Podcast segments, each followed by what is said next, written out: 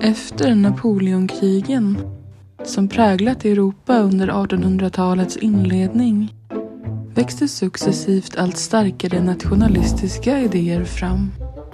Nya förutsättningar gjorde också att de skandinaviska länderna, vilka genom historien haft en mer krigisk hållning till varandra, såg hur likheter istället kunde bli en politisk kraft. Inför hotet från diverse stormakter formades idéer om gemenskap. Dessa samlades under begreppet skandinavism.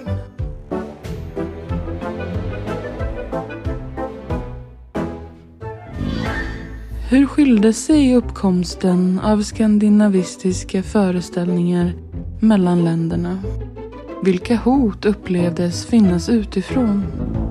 Och när och hur blev skandinavismen i praktiken politisk verkstad? Gästar podden gör Daniel Jakobsson. Han är doktorand i historia vid Umeå universitet. Hans forskning är inriktad mot skandinavism och skolan i Sverige, Norge och Danmark under 1800-talet.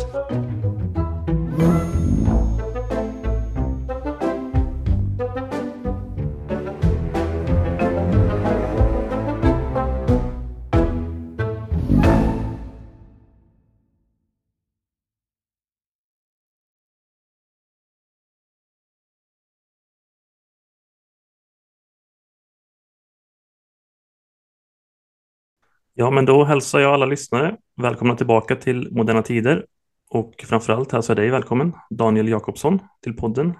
Tack så mycket. Eh, vi ska ju prata om skandinavismen. Mm. Så jag tänkte vi kunde börja, kanske om du skulle vilja definiera lite vad Mm. begreppet innebär. Absolut. Och eh, jag tror att här måste man någonstans börja med vad Skandinavien är, vad Norden är. Och sen då komma in på det här med skandinavism. Därför om, här här finns ju lite olika begreppsdefinitioner kan man ju säga när det gäller vad Skandinavien är, vad Norden är. Och eh, tar vi idag, då är det ju Skandinavien, det, det är ju Sverige, Norge, Danmark. Det är så vi tänker på det. Norden inkluderar ju även då Finland och Island. Eh, Men även Färöarna och till viss mån eh, ibland också Grönland. Så. Men den här typen av begreppsdefinition av de här två områdena var ju inte lika tydlig tidigare, Nej. kan man säga. Och det kan man ju säga även på engelska språket idag. Då pratar man ju ofta om Scandinavia och då inkluderar man ofta då länder som Finland i, i det begreppet. Och eh, under 1800-talet då, som eh, framförallt den period vi ska prata om nu, Mm. så var det ju ganska oklart vad man syftade till ofta eh, när man menade Skandinavien. Det blev ju mer och mer tydligt successivt så. Men eh, i övrigt då kan man säga idag så betyder det här någonting, alltså nordisk modell, en eh, skandinavisk välfärd, nordisk kvalitet, the Nordic brand brukar man ju prata om och så. Så att idag betyder ju Norden och Skandinavien väldigt mycket. Eh, och det gjorde det ju även då tidigare, men på olika sätt så. Men kan man säga att det finns liksom en geografisk definition och en kulturell definition som är lite annorlunda från varandra? Lite så kan man säga. Och vi kommer komma in lite grann på det också när vi kör den här lite mer historiska kronologin över skandinavismen och lite så här geopolitiska förändringar under 1800-talet. Men just, just den här skiftande betydelsen för framförallt då Skandinavien eh, i det här fallet som blir väldigt intressant under 1800-talet och så. Men eh, i alla fall under den här perioden, under 1800-talet, så var det ju, det, Skandinavien kunde ju betyda norra Tyskland. Det kunde också betyda Ryssland i vissa fall, eh, Baltikum. Och man diskuterade vad ingår här? Är det, ingår Finland i begreppet? Ingår Danmark till och med i begreppet? Var, är det bara Sverige och Norge som är Skandinavien? Och där kan man ju tänka då, idag så kallar vi det för den skandinaviska halvön och då är det ju Sverige och Norge. Så. Men med det sagt så landar man ju någonstans i och eh, det det kommer jag gå in igenom efter Napoleonkrigen här, att Skandinavien blir ju successivt Sverige, Norge, Danmark, Mm. som vi definierar det idag, men att det sker lite begreppsförändringar som är ganska viktiga att ta med här också. Mm. Men jag, jag tänker att vi återkommer till det. Ja, Ska jag ta lite kort om skandinavism, vad det är för någonting? Ja, absolut. Ja. Skandinavismen då är ju då en idé och även en rörelse. Vissa kanske vill hävda att det är en ideologi också. Och här kan man ju tänka sig utifrån de här olika nationalismteoretikerna, alltså till exempel Benedict Anderson och Ernest, Ernest Gellner och Erik Hobsbawm och så vidare. De har olika definitioner vad nationalism är för någonting. Och det här är ju då en form av pannationalism, kan man kalla det. Och där ska vi skilja mellan pannationalism, nationalism och transnationalism. Det blir mycket nationalismer här. Och då kan man tänka nationalism, vad är det för någonting? Ja, men det är ju då det man inom nationen, inom gränsen, det vill säga Sverige, svenskhet, det är nationalism. Pannationalism, det är att man fortfarande ser de här olika gränserna, men de här gränserna är lite mer vidgade. Då kan man inkludera, man kanske inte är svensk, men man kan fortfarande tillhöra nationen. Mm. Man ser de här gränserna, erkänner att vi, det finns existerande gränser, men vi ska vidga dem. Det är det man gör till exempel i Tyskland och Italien om deras enhetskrig och liknande. Även då sen i Jugoslavien genom panslavismen då, vilket också är en sån där pan-nationell eh, rörelse. Medan då transnationalism, då finns det ju inga gränser. Det är ofta ekonomiska samarbeten. Och det ser vi idag med multinationella företag och så vidare. Så att den typen av definition är ganska viktig också att ta med just skillnaden mellan pannationalism och transnationalism. Därför jag brukar ofta få just frågan om det är en transnationalism det här är, eh, skandinavismen är, eller om det är en pannationalism. Och det är en pannationalism då. Så ser man till till exempel Benedict Anderson, han pratar om en förestående gemenskap och det kommer vi att gå in på lite senare också. Det handlar ju väldigt mycket om här. Man föreställer sig att vi tillsammans eh, har någonting gemensamt, inte bara historia eh, och inte bara språk, utan rent allmänt ett lynne kan man ju säga, en moral som ingen annat folkslag kan, kan ha egentligen. Mm. Och Gellner pratar om att där det inte finns en nation, där skapar vi en nation. Och lite så var ju tanken här också då. Men allt det där tänker jag att vi kan gå in på lite mer sen. Ja, var historien är rimligt att börja? När liksom föds de här idéerna? Eller första spåren av dem så att säga? Första gången som, därför man får ju komma ihåg här, om vi tänker relationen, framförallt då Danmark-Sverige, var ju ansträngd på väldigt många sätt och det vet man ju om man kan sin till exempel medeltida historia eller sådär. Att det, det var ju väldigt eh, det, det, har ju pågått väldigt mycket krig, väldigt mycket konflikter mellan Sverige och Danmark. Ja, det påstås väl att det är de två nationer som har krigat mest med varandra. Så är det ju, precis. Exakt, och då kan man ju tänka sig hur de här två antagonisterna egentligen ses varandra som brödrafolk på väldigt kort tid. Och det har ju såklart att göra med från början med den franska revolutionen och nationalismtanken och så vidare.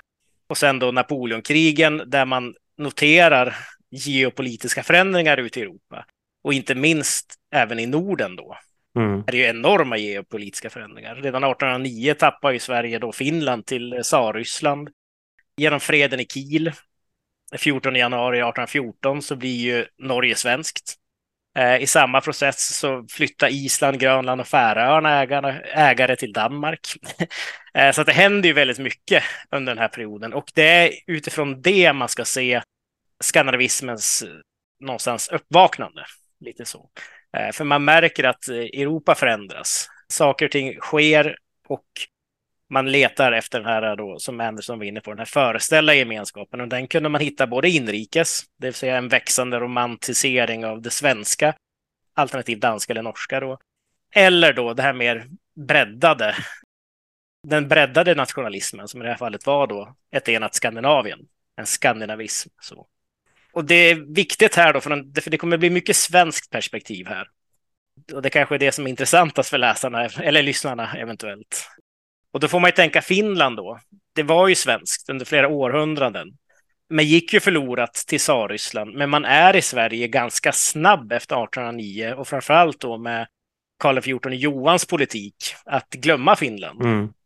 Och hoppa på då det så kallade norska tåget, om vi får säga det så och närma sig de, eh, det norska istället för det finska. Så, eh, så att det är väl egentligen där man kan ta vid lite grann då. Alltså Karl XIV Johans norska politik eh, och närmanden mot Norge man eh, gör ju det här fälttåget mot Norge när man i Norge då såklart eh, utropar sig som egentligen självständigt. Man skulle ha ett eget kungahus. Eh, grundloven 17 maj känner man ju till eh, och så vidare. Och Sverige trycker ju ner det här ganska snabbt. För, för att man ser just eh, hur viktigt Norge kan vara för Sverige och inte bara då för att någonstans förhålla sig som en stormakt, för det var man ju inte riktigt här då, eh, utan kanske för att närma sig väst mer och ha en västlig gräns mot till exempel då England eh, snarare än Ryssland som man hade fått till Finland.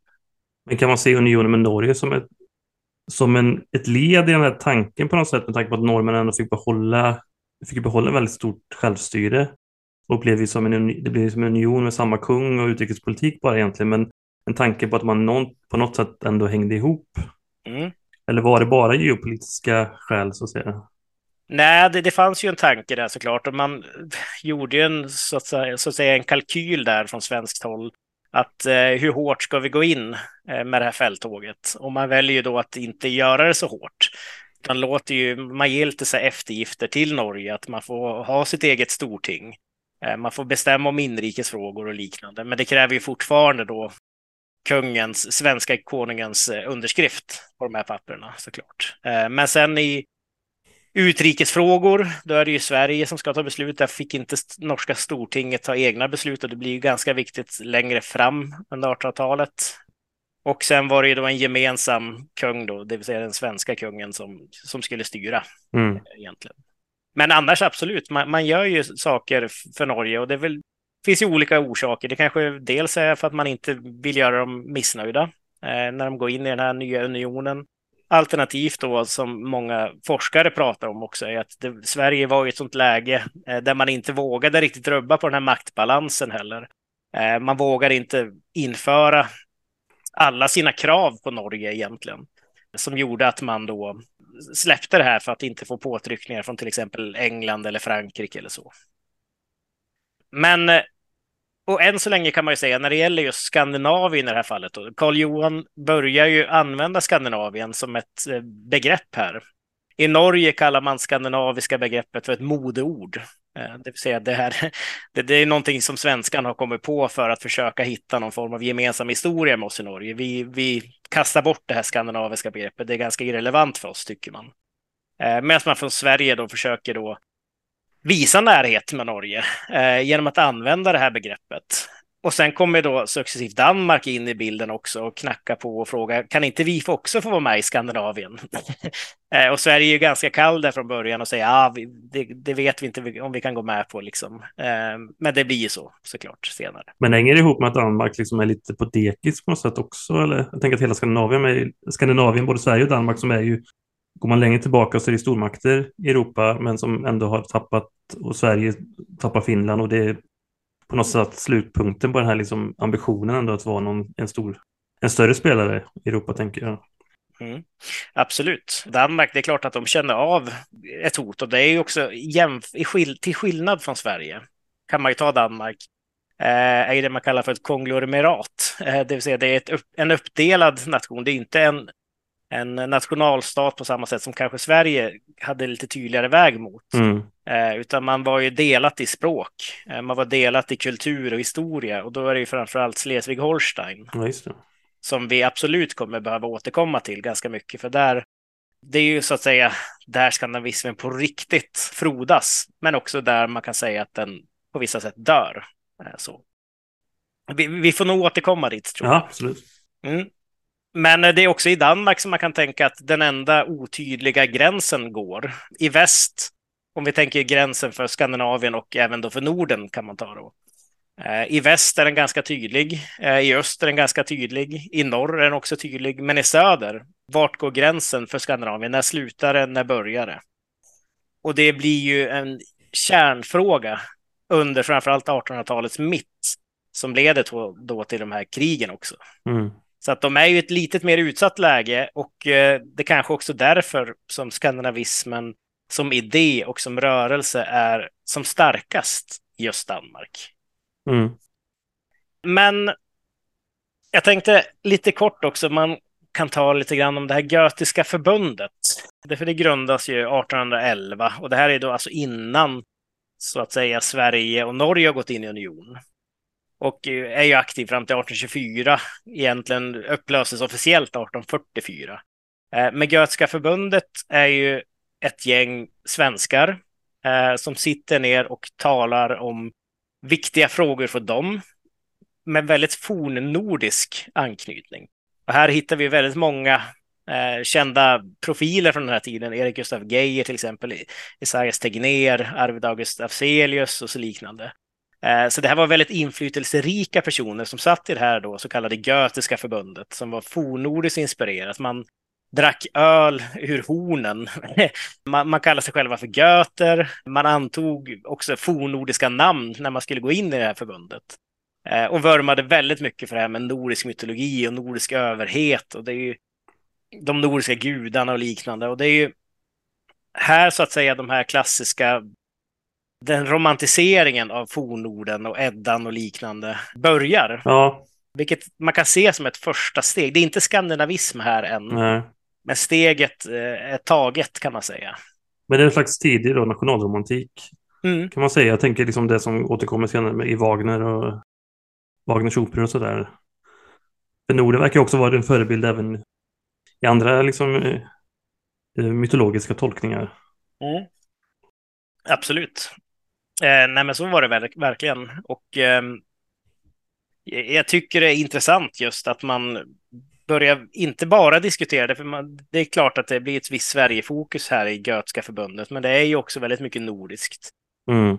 Och man kommer in på de här med vikingafärder, man kommer in på Tor och Oden och liknande, som gör att vissa närmanden ändå kan göras, vilket gör kanske då att den svenska nationalismen och även då sen den danska och liknande blir lite tudelad. Ska vi ha e-, e-, en, en svensk nation eller ska vi ha en nordisk eller skandinavisk nation? Så, I och med att man är så tätt eh, kopplad ihop med varandra när det gäller just eh, historia. Så.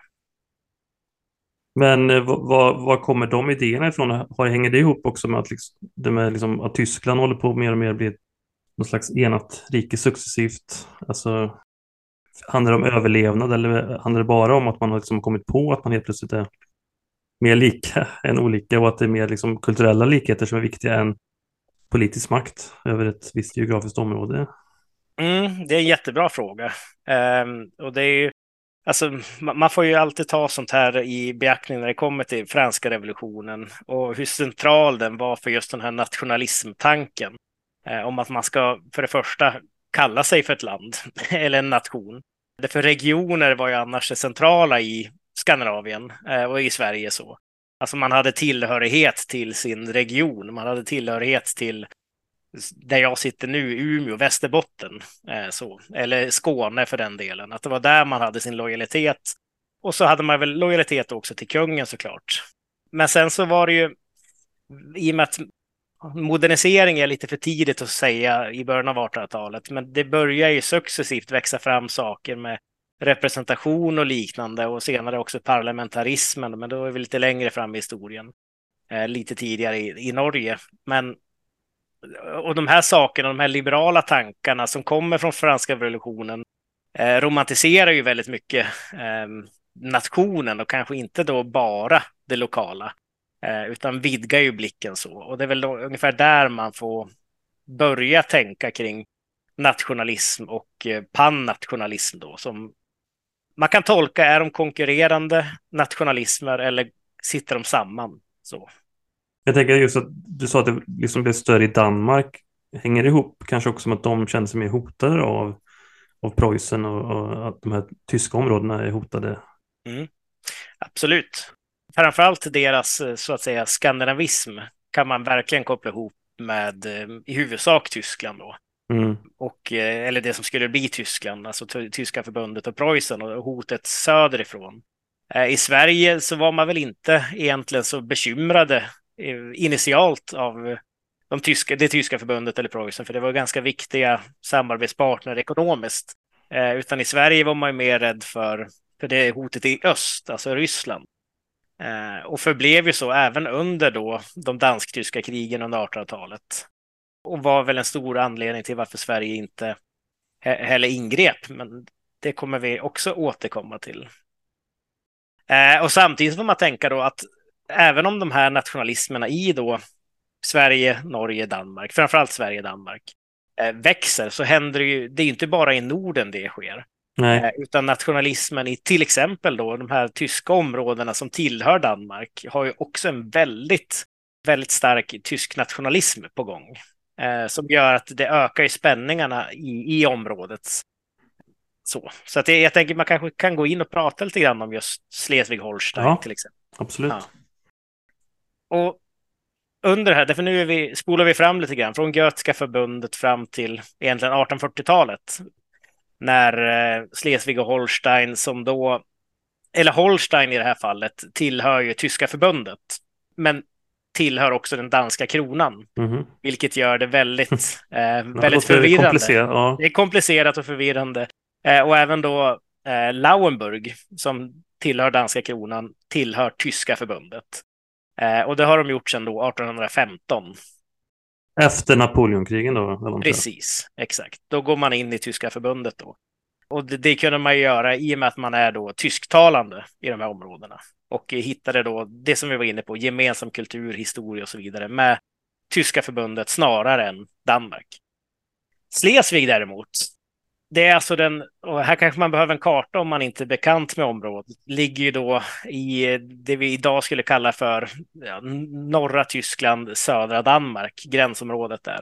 Mm. Och var inte med i tyska förbundet, för där var det lite mer delat vilka språk man talade.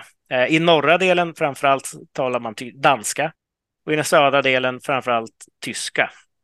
Och Danmark hade en ganska tydlig politik här under 1840-talet och egentligen fram till 1864 med att just närma sig Slesvig och egentligen avskilja sig successivt från Holstein och Lauenburg.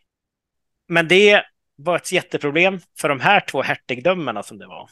För att Slesvig och Holstein hade hänvisat tillbaka till någon form av gammal överenskommelse från 1448 om att hertigdömena ska för evigt vara, det, vara sammankopplade och Schleswig skulle aldrig få bli danskt, var egentligen det man sa. Och den hänvisar man ju tillbaka till då, jo. Eh, under den här perioden. Eh, men annars så Holstein och Schleswig, det har ju varit danskt egentligen sedan 1400-talet. Mm. Eh, så Danmark kan ju i sin tur då hänvisa till den långa historien eh, av att egentligen vara eh, ha, ha makten i området. Så att här står vi inför en ganska komplex situation där vi de här områdena har ena foten i Tyskland och den andra i Danmark.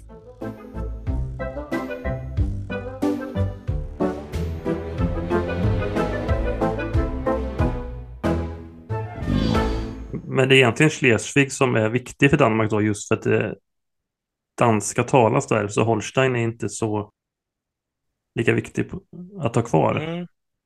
Kan man se det så? Eller är det Både och. Alltså man, man, kan ju tänka att det finns, när det gäller just den här närmandet så är Slesvig det centrala. Eh, för, för det är den delen man vill få in mer på riktigt kan man säga. Men Holstein visar sig vara en sån här viktig period, eller viktigt område också. På väldigt många sätt. Och där kommer Sverige framförallt spela en nyckelroll i att Danmark ska glömma Holstein och bara fokusera på Slesvig. Danmark vill ju initialt eh, ha hela området för sig själv.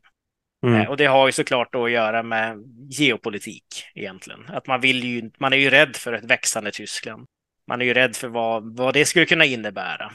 Eh, så, men jag tänker att det kommer vi komma in på lite senare under kriget här också. Men det är ju också under den här perioden som man från danskt håll börjar kalla Slesvig för Sönderjylland, vilket är då den danska benämningen på området. Eh, och inte då Slesvig som är mer den tyska benämningen. Eh, och det var ju då såklart ett sätt för att visa just att ni är danskar. Ja, det är en slags fördanskning kan man säga, eller Verkligen. förstärkning. Ja. Verkligen. Eh, och det var egentligen från Fredrik den, nu ska jag tänka, sjätte, som bedrev just den här danskifierings period, eller som drev en danskifiering av Slesvig.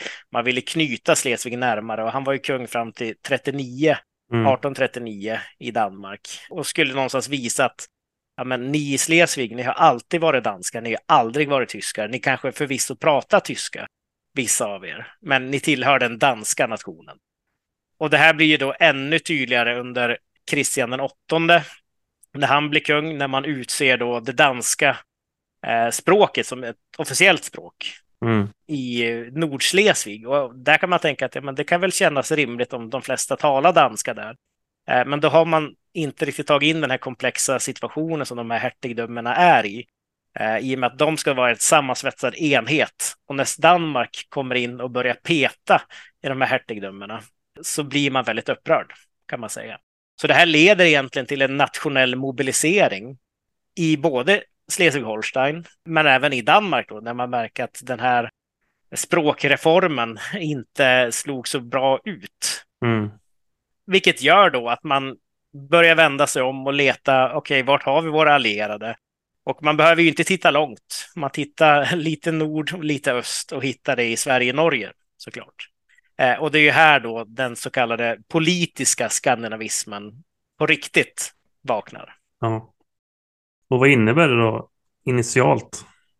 Ja, alltså man har ju från 1842 så har man i Danmark en politik som, som kallas då för Danmark in till Eider.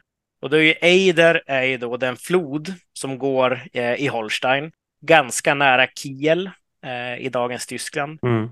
De, eh, där man menar då, här är inte bara Danmarks gräns, här är Nordens gräns. Eh, längre än så här kommer vi inte gå med på någonting.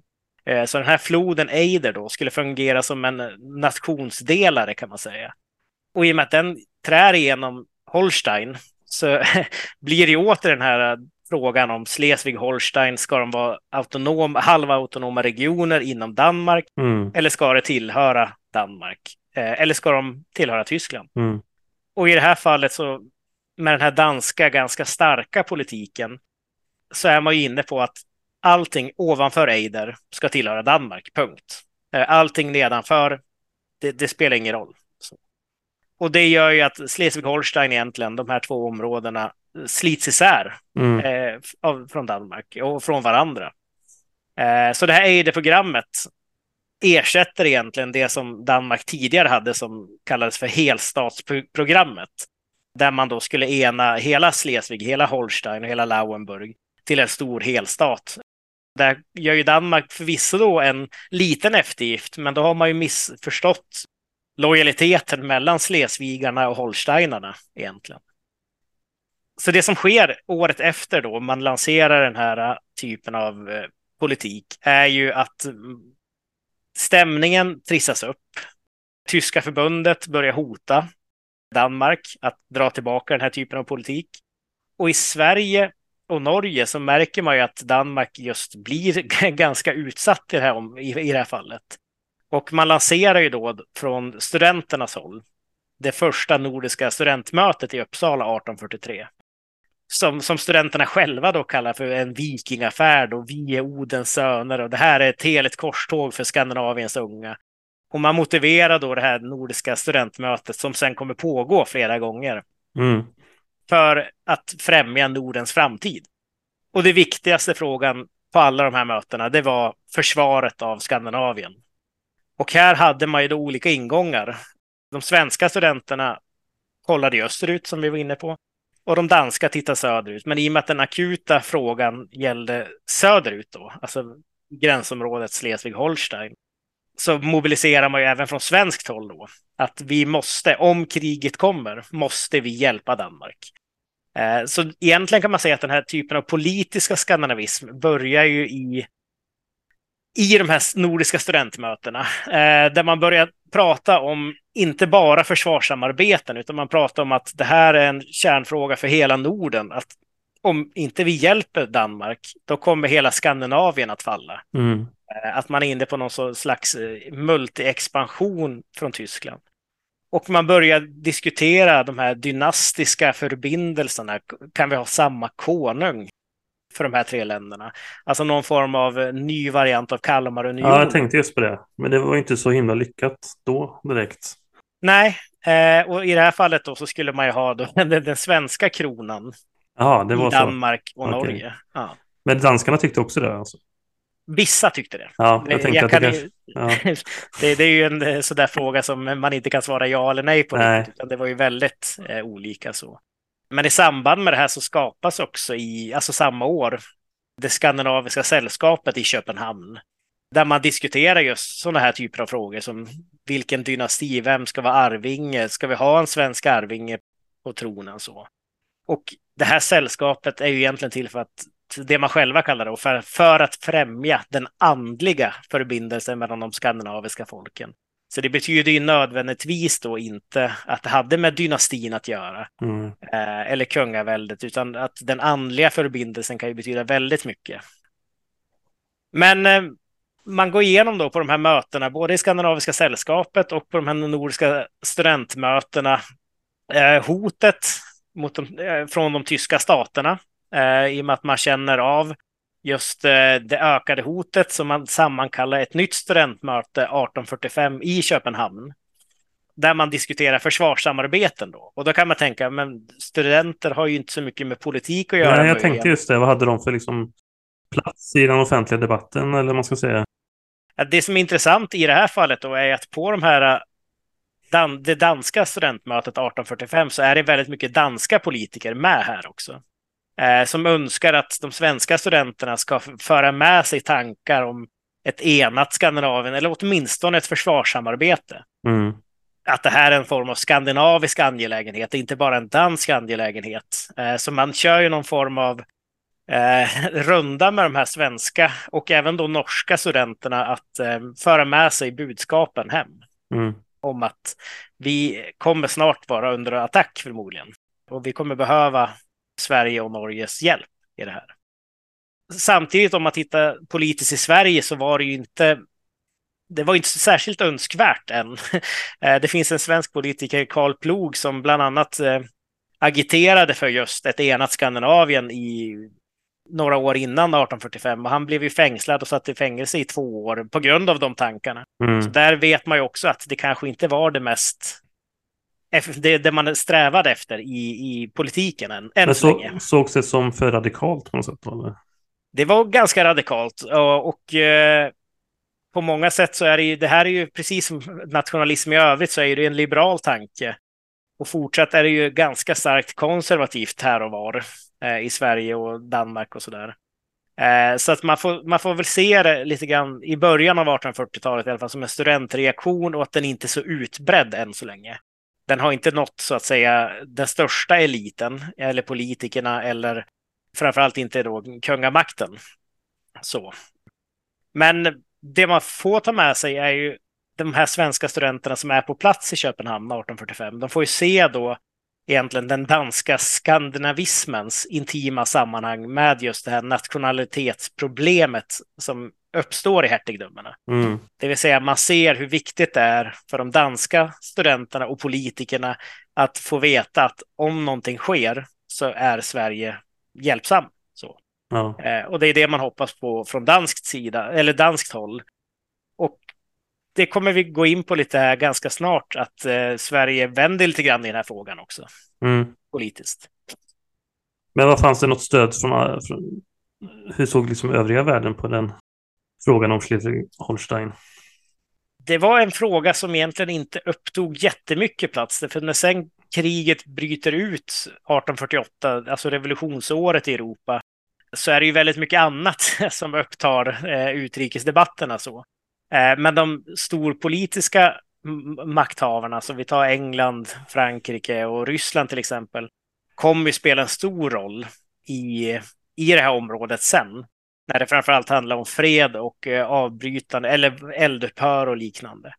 Eh, och där har ju Sverige-Norge är ju med på ett hörn också, men ser ju sig själva lite grann som den mindre nationen när de här stora jättarna kliver in och diskuterar. Ja, man kan ju tycka att det vore viktigare för Danmark att hitta stöd hos någon av storspelarna än hos Sverige som inte kanske hade så stor betydelse i den stora Nej, bilden. Möjligen, men jag tänker att vi kommer nog prata lite om det här alldeles strax. Mm. Eh, därför jag tänker att vi kan hoppa till 1848. Ja, absolut. När det väl eh, är dags för krig så att säga.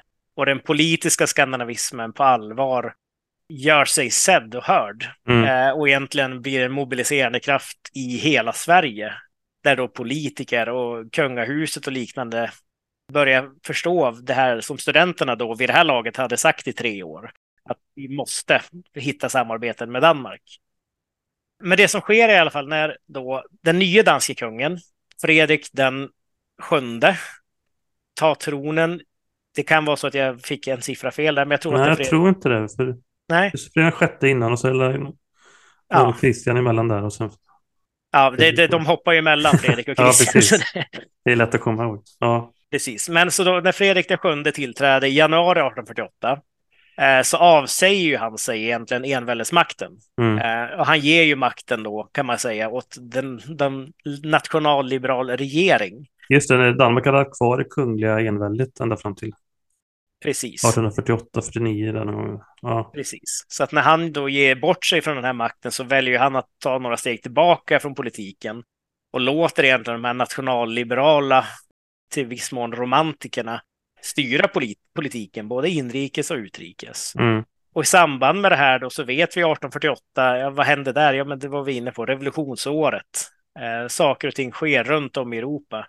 Och Schleswig-Holstein, de får ju då, önskar från danskt håll, alltså den här nya nationalliberala regeringen, önskar man en fri författning, att man själva får styra eh, sitt eget område. Alltså en ganska autonom region vill man ju ha. Mm. Eh, Danmark vägrar detta. Man, går med, man börjar förhandla med Schleswig-Holstein om att vi kan gå med på eh, en fri författning, men i så fall så måste, då kommer Schleswig införlivas med Danmark. Holstein, ni kan ha en fri författning, ni kan få vara helt självständiga om ni vill, men Sle- Schleswig ska in, Mm. i, in i Danmark. Och det utlyser, då utropas eh, faktiskt en provisorisk regering i Kiel, eh, en Schleswig-Holsteinsk ny regering eh, och kriget bryter ut då. På grund av att man i hertigdömena vägrar ju bli särskilt, man vill inte skiljas från varandra, det har man motiverat historiskt. Mm. Och man tycker att den danska staten är ganska oresonlig här också. För man har egentligen, man, i och med att man inte ser sig själva som danskar, utan man kanske ser sig själva mer som antingen Slesvigar eller Holsteiner eller möjligtvis då tyskar, så tycker man det är helt absurt att Danmark inte kan gå med på de här kraven. Och då bryter man sig loss helt enkelt. Och har ju redan då fått garantier av tyska förbundet, men även då starka Preussen, Mm. om att vi kommer göra så här och eh, hjälper ni oss? Och tyska förbundet Preussen mobiliserar snabbt och säger ja, vi kommer komma in i kriget. Så det som sker, nu är inte jag militärhistoriker så jag kommer inte gå igenom de här Nej. olika slagen eller så, Nej. utan mer kanske vad det betydde. Men det, när tyska förbundet och Preussen mobiliserar och man ser från svenskt och norskt håll vilket underläge Danmark faktiskt befinner sig i här och att man riskerar att förlora hela Schleswig och hela Holstein och Lauenburg så blir det en omedelbar reaktion. Eh, och det är då under våren 1848 den politiska skandinavismen på allvar växer fram i Sverige kan man säga. Även de konservativa, de tidiga konservativa antiskandinaverna gav med sig och sa att ja, Danmarks sak, för att parafrasera här, är vår. så. Mm. Eh, och att Nordens försvar var akut. Från studenthåll så skickar man in en petition till, eh, till kungen om att få beväpna sig. Väldigt många svenskar och norrmän ansluter sig till kriget som frivilliga då och då är det framförallt då de här studenterna som tidigare har varit med på studentmötena i Köpenhamn, Uppsala och liknande.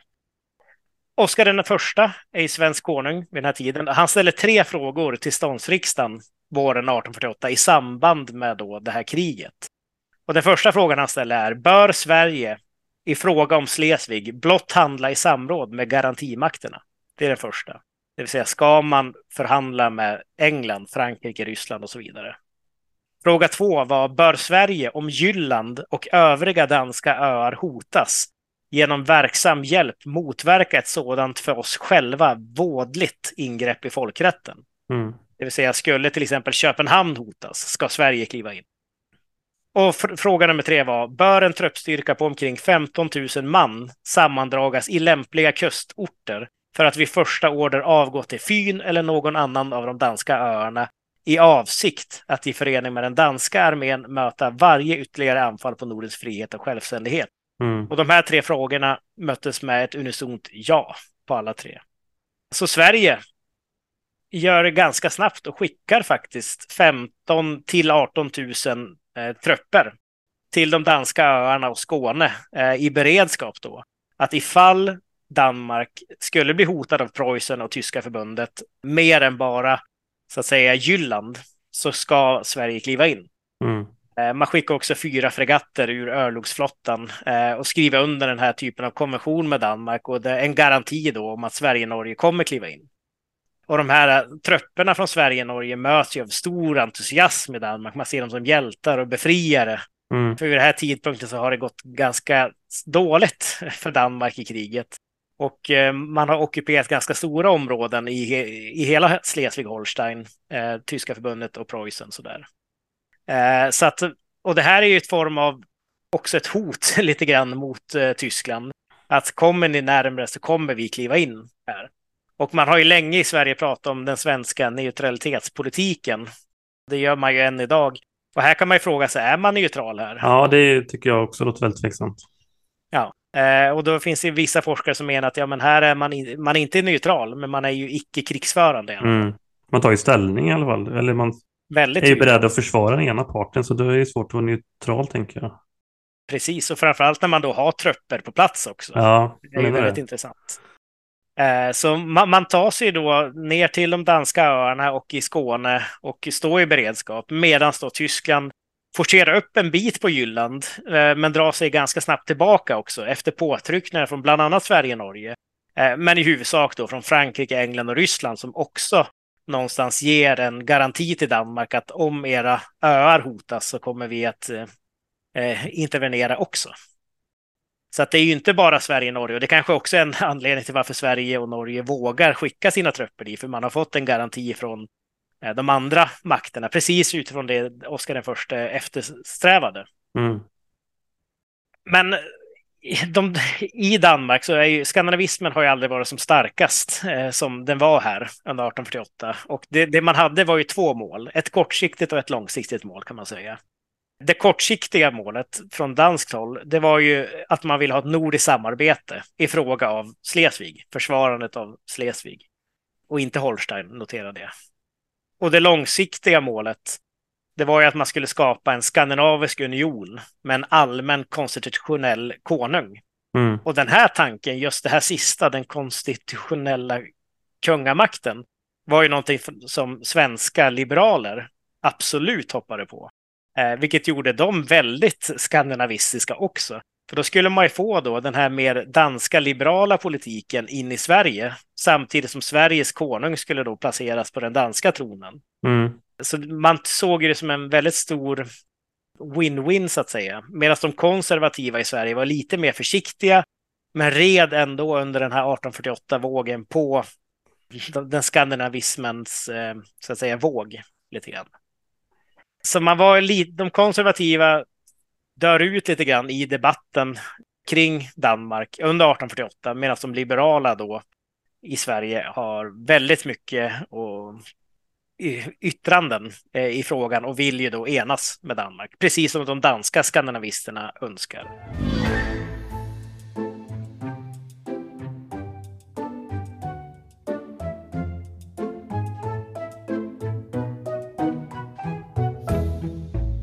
Summa summarum, så det här kriget då från 1848, det tar ju slut 1850. Egentligen kan man säga 1852 kodifieras det genom det som kallas för Londontraktaten. Slutas i status quo. Eh, hände inte så mycket, inga gränsförändringar. Det man beslutade då 1852 var att Slesvig inte skulle få närma sig Danmark mer. Men det skulle inte heller få ingå i tyska förbundet. Eh, så egentligen ungefär som det var tidigare. Mm. Och Holstein och Lauenburg fick vara kvar i, i tyska förbundet. Och ser man på Sverige-Norges del, och förutom att man hade de här trupperna på öarna och i Skåne, så hade man, satte man in fredsbevarande operationer eh, i områdena när det var fred, eller vapenvila i alla fall. Mm. Eh, och fick ju bland annat ingripa i Flensburg när man danskar och tyskar sköt mot varandra från fönster och gator och sådär. Och då fick de svenska fredsbevarande kårerna eh, kliva in. Men eh, efter det här kriget då så går egentligen skandinavismen lite in i ett viloläge. Den är inte död, tanken, absolut inte. Man såg från danskt håll att ja, okej, det kanske finns någonting här i Sverige och Norge, att de vill samarbeta lite mer och kanske ha eh, en eventuell liknande författning och så. Men man vågade inte säga mer än så med tanke på att Sverige de facto inte gick in i kriget. Man hjälpte ju faktiskt inte till egentligen. Eh, så. Men eh, 1857 skickar man ju i alla fall från Sverige, Oscar den första, ett, ett förslag till Danmark om en allians för att just eh, beskydda Danmark ifall det skulle vara så att tyska trupper en gång till kliver in i Slesvig. Och Sveriges krav då var ju det att det här gäller Slesvig och inte Holstein. Holstein måste ni börja släppa nu. eh, för det är här någonstans som de stora meningsskillnaderna går. Eh, och det här, från danskt håll så blir man ganska missnöjd med den typen av attityd från svensk sida och väljer att inte gå med på det här alliansförslaget. Eh, för man vill ju ha Holstein som sitt också fortfarande. Även om man går med på att Holstein förvisso kanske inte är lika viktigt som Slesvig, men det ska vara danskt ändå. Men det var någon slags militärallians bara då, eller? Ja, ett försvarssamarbete. Ja, det säga, det ska, ja. ja. så att det ska inte vara eh, om Danmark själva förklarar krig eller liknande, eh, utan snarare ifall Danmark är under attack från Men var det ömsesidigt om Sverige skulle bli attackerat skulle Danmark hjälpa oss också? Så är det ju. Eh, och då skulle det gälla ett eh, ryskt anfall. Så det kan ju också vara en sån sak som eventuellt eh, avskräckte Danmark möjligen, därför de tyckte den här danska eller ryska frågan var ganska irrelevant för dem. Men i alla fall, den här skandinavistiska tanken under 1850-talet ganska generellt låg tanke om ett enat Skandinavien. Det växer mer och mer igen under 1860-talet när man börjar se att saker händer i Tyskland. Och då framför allt under Otto von Bismarcks ledning. Där man är ganska aggressiv i sin utrikespolitik eh, och uttalar sig ofta med hot mot just Danmark eh, när det gäller Schleswig-Holstein. Och man kan väl säga att det, det här Eider-programmet som jag pratade om tidigare, det är fortfarande aktuellt. Eh, det vill säga gränsen, Nordens, Skandinaviens och Danmarks gräns ska gå vid floden Eider. Och det här är ingenting man egentligen rubbar på, vilket egentligen provocerar då tyska förbundet eh, och även Schleswig-Holstein, men även då Preussen väldigt mycket.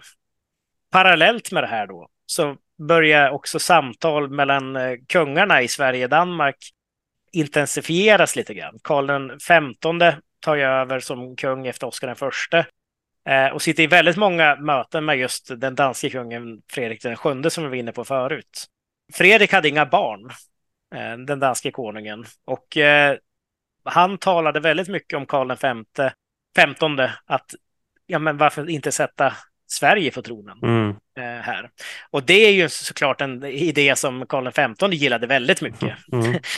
Eh, och han för ju här vidare då till eh, sina ministrar och sina rådgivare att ja, men Danmark kommer med ett förslag om att jag tar över tronen. Mm. Vad tror vi om det? Ja. Vad trodde man om det då? Ja, eh, vi ska återkomma. Man är inte lika positiva som Karl XV faktiskt. Eh, men Karl XV då och prins Oscar som sen vi vet blir den andra Eh, åker runt då i, till Paris och London bland annat eh, i början av 1860-talet för att egentligen så att säga reka läget och kolla om det skulle vara så att jag blir tronarvinge till den danska tronen. Vad, vad tycker ni om det? Mm. Lite förenklat. Framförallt i England var man ganska eh, missnöjda med det. Man uppskattar absolut inte den idén. Dels för att man rubbar maktbalansen runt Östersjön men dels också för att man bryter då, om Sverige skulle göra det och Danmark går med på det, så bryter man egentligen en överenskommelse som man gjorde genom Londontraktaten 1852. Där stormakterna, man slängde in en klausul där att stormakterna skulle ha möjlighet att påverka den danska tronföljden. Eh, och skulle man göra så här så går man förbi den typen av överenskommelse och Sverige skulle få väldigt mycket makt själva att bestämma eh, arvinge. Så. Parallellt med de här så att säga missionsresorna kanske man kan kalla det, där man försöker övertala de andra stormakterna om att ett enat Skandinavien är bra, så sker ett polskt uppror 1862 eh, som Ryssland då slår ner väldigt hårt. Stöttade av Preussen faktiskt. Eh, man är det enda, och då får man tänka utifrån Krimkriget sådär, att eh, Otto von Bismarck, han knöt de här kontakterna med Ryssland. På andra sidan så stod ju Frankrike och England som stöttade Polen. Och i det jag försöker komma fram till här nu är att det, det händer väldigt mycket i Preussen. Mm. Gör att man från danskt håll blir väldigt, eh, ska säga, entusiastiska för att göra egna typer av reformer som skulle kunna påverka Schleswig-Holstein utan att Preussen agerar med tanke på att Preussen har så mycket annat att stå i. Man har bland annat konflikter med, internt med Österrike, Preussen. Så det man gör då från danskt håll är att man lyssnar på Sverige. Man lanserade det man kallar för marspatentet 1863 där Holstein klipps från Danmark och Schleswig helt ska införlivas. Mm. Sverige välkomnar det här. Man tycker att men det var en jättebra, jättebra idé, för att det var ju deras idé. Mm. Men i övrigt så var det ganska svalt bemötande i Europa kring det här att man införlivar Slesvig i den, under den danska kronan och skiljer Holstein från Slesvig. Och det var jag inne på förut, ju, hur, hur, hur tätt sammankopplade de här två hertigdömena faktiskt är. Och eh, så Danmark säger ju egentligen då att nu har vi följt ert råd, Sverige. Nu har vi uteslutit Holstein. Vi räknar med er nu. Att skulle det hända någonting så räknar vi med er. Och framför allt då när tyska förbundet direkt efter det här marspatentet skickar ett ultimatum till Danmark att drar ni inte tillbaka det här inom sex veckor så är det krig igen. Och eh, det man, Sverige och Danmark träffas då omedelbart i Skotsborg och eh, Karl XV föreslår då att Danmark inte alls ska gå med på tyska förbundets krav. Eh, man ska, han tycker att eh, ja, men låt tyskarna gå in i Holstein och låt dem ta Holstein. Det spelar ingen roll för er längre, ni har ju redan klippt bort det. Men går de längre ut, då lovade Karl XV att Sverige och Norge går in med 20 000 man och försvara Slesvigs gränser. Och det här var ju någonting som man inte riktigt hade förankrat med, med övriga. Det, det, det funkade ju så att han fick inte ta de här enhälliga besluten. Karl XV. Eh, och det skapas två läger kan man säga. Henning Hamilton som var en minister, en svensk minister i Köpenhamn var en av dem som också drev på det här och var ju på Karl XV sida. Han började själv förhandla med Danmark om en allians. Eh, och även det har han egentligen inte befogenhet till att göra. Och han skickar sitt förslag då på hur en allians med Danmark skulle kunna se ut och hur tronarvingen skulle vara och liknande. Eh, svenska utrikesministern Ludvig Manderström gillade idén, Mm. eh, var lite mer försiktig. Men tyckte han var också då lite mer på Karl XV sida. Så man träffas då alla höjdare inom svenska politiken 8 september i Ulriksdal. Där vi har då på ena sidan Karl XV, Mannerström och Hamilton mot egentligen de tre andra som var då Gripenstedt som var finansminister, eh, de Geer, justitieministern och eh, Norges statsminister eh, Sibbern stod på den andra sidan. Norges statsminister i Stockholm ska jag säga. Mm. Där de egentligen helt slår ner det här förslaget. Vi kommer inte skicka 20 000 man. Det är helt orealistiskt att Sverige och Norge skulle göra det. Därför då börjar man lyfta in just det vi var inne på förut, Ryssland. Preussen och Ryssland, de är ganska tätt eh, förknippade med varandra. Det vi gör om vi skulle gå in i det här kriget är att vi öppnar upp för en rysk invasion av Sverige igen. Eh, så. så att det är de här, så att säga, det sker och, gänget menar är att vi måste berätta för Danmark, vi kan inte gå med i en allians. Vi kommer inte hjälpa dem. Är kriget där, prata med, Dan eller prata med England, prata med Frankrike. Så att det här beskedet ger man ju då till Fredrik den sjunde, som kort därefter också dör. Man kan väl gissa att han är ganska missnöjd då, för det Ja. laget. Tre dagar efter Fredrik den sjundes död så har man ju då slagit igenom det här marspatentet på riktigt. Eh, man införlivar Slesvig. Nu är det de facto danskt. Och Sveriges egentligen chans till tronföljare går ju om intet också då, i och med att man i Danmark utser en ny tronarvinge som tar över efter Fredrik sjunde. Så Sverige ser inte längre varför man skulle vilja hjälpa Danmark egentligen, om kriget kommer. Så 24 december, Tyskland invaderar igen. Och nu går tyska trupperna rakt in i Holstein och det här är ju då en jordskredsseger kan man säga. I sin seger Schleswig-Holstein så är det då också Preussen och även Österrike som är fortfarande en stormakt. Eh, går alla in i hertigdömena och eh, Danmark har ju ingen chans. De ber Sverige om hjälp bara dagar in i kriget, men Sverige hänvisar till de övriga västmakterna eller Ryssland om, om eventuell hjälp, därför i Sverige finns det ingen. Mm. Och på bara några månader så blir man ju då tvungen att faktiskt ge upp hela Slesvig, hela Holstein och hela Lauenburg. Och under hela den här perioden så har ju Danmark försökt att hitta en allians med Sverige och Norge.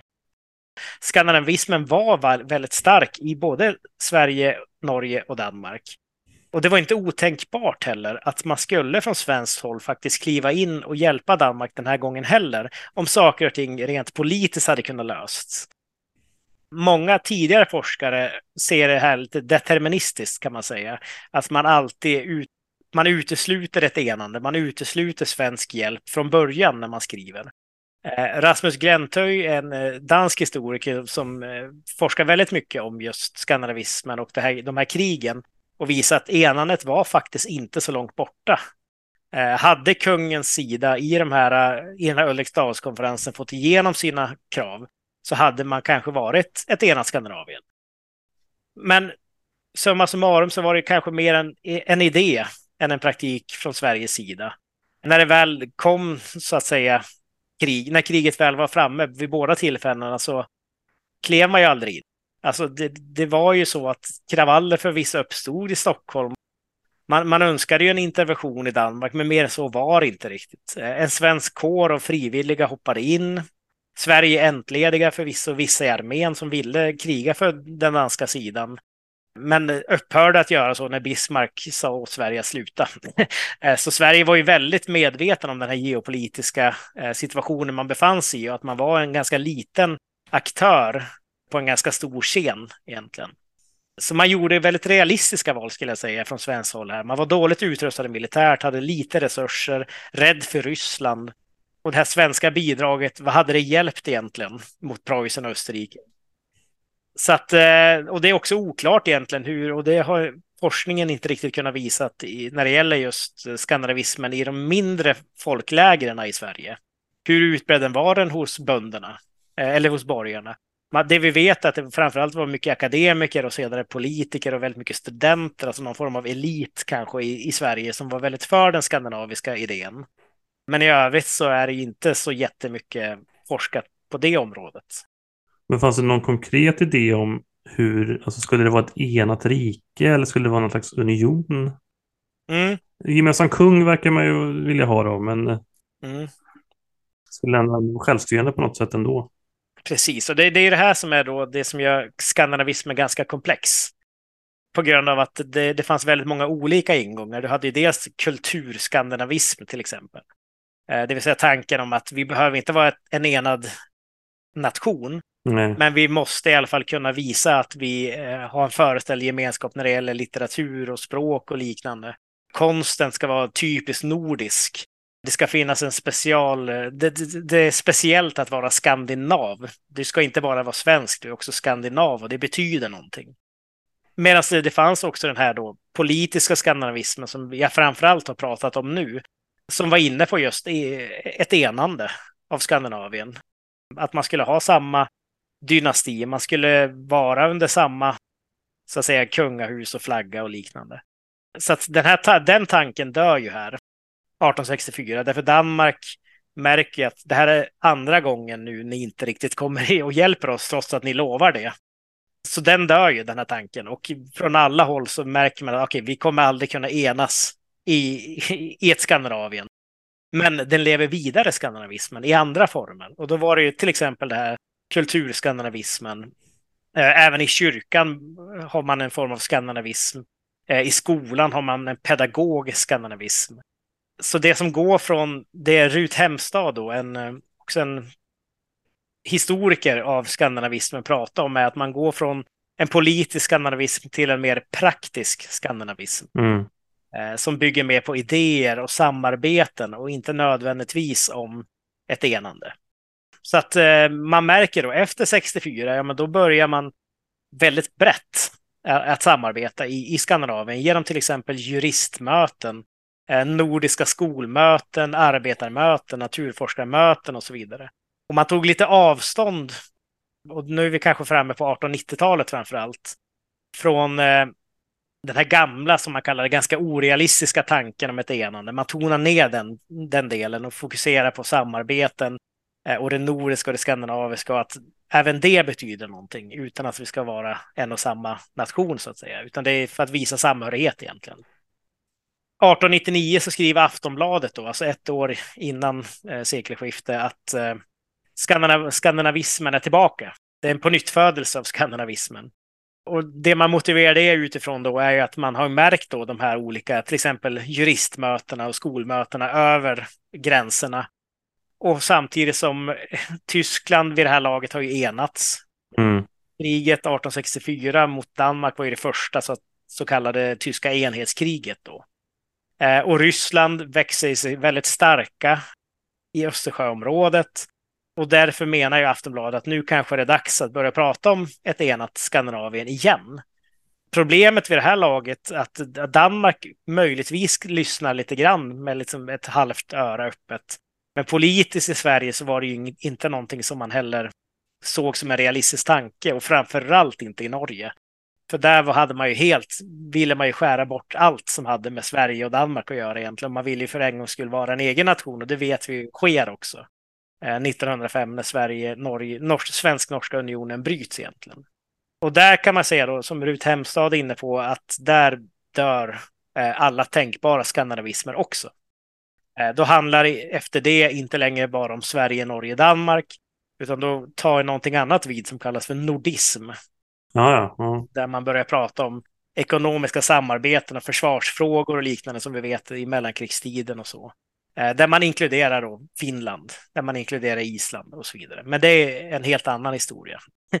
ja, jag tänkte det, för jag tänkte lite på hur man, om man kan säga att det finns någon skandinavism kvar idag. Mm. Eller, liksom, om, eller om hur man ser hur det liksom utvecklas under 1900-talet. Mm. Ja, jag skulle kanske inte säga det i och med att det här är ganska tätt knutet till en viss period, det här begreppet skandinavismen i och med att den var ganska utbredd, eh, framförallt bland då samhällseliten i alla tre länder. Och var ju faktiskt en realitet som kunde ha varit så med ett enat Skandinavien. Idag så pratar man ju såklart om väldigt skandinaviska, men framförallt kanske nordiska samarbeten.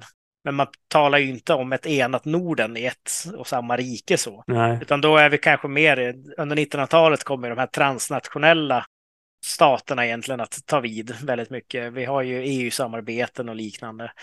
Nordiska rådet finns ju Nordiska också. rådet, exakt. Och där pratar man ju inte om att ska vi ha samma kung Nej. alltså. Nej. Nej. Det är mer geopolitiska och ekonomiska intressen han tar som är grunden för det.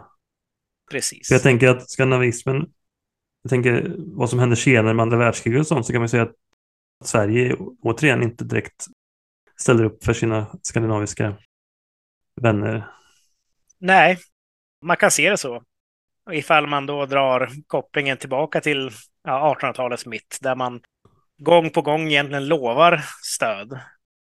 Och man egentligen försöker ta beslut som ska främja, man, man motiverar ju det från att vi, det här är för Skandinaviens bästa, men ändå så hjälper man ju inte Danmark här.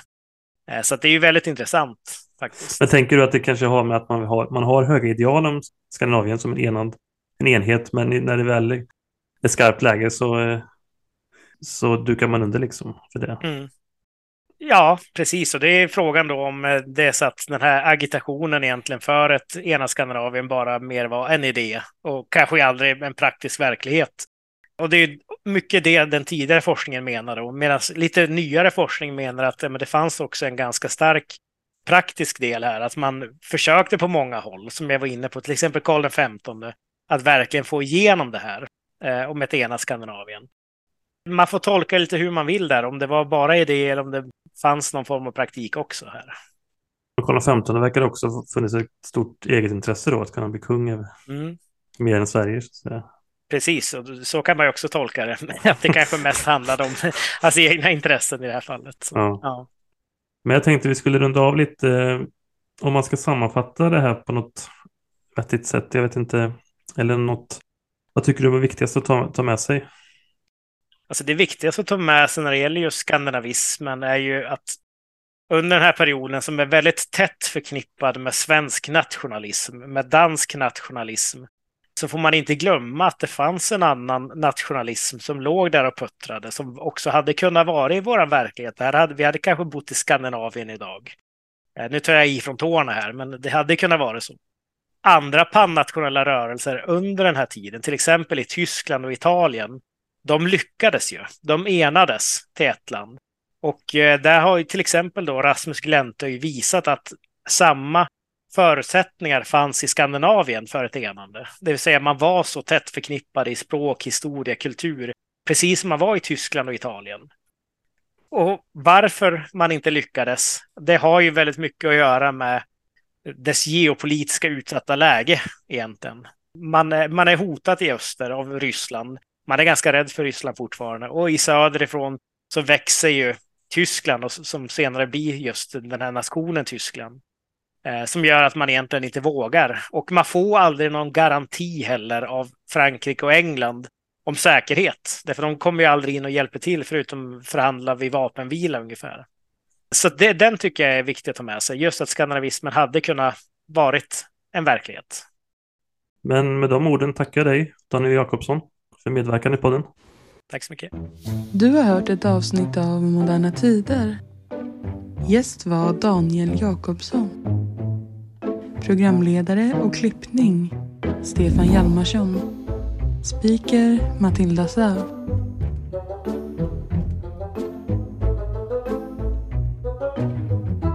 Mm.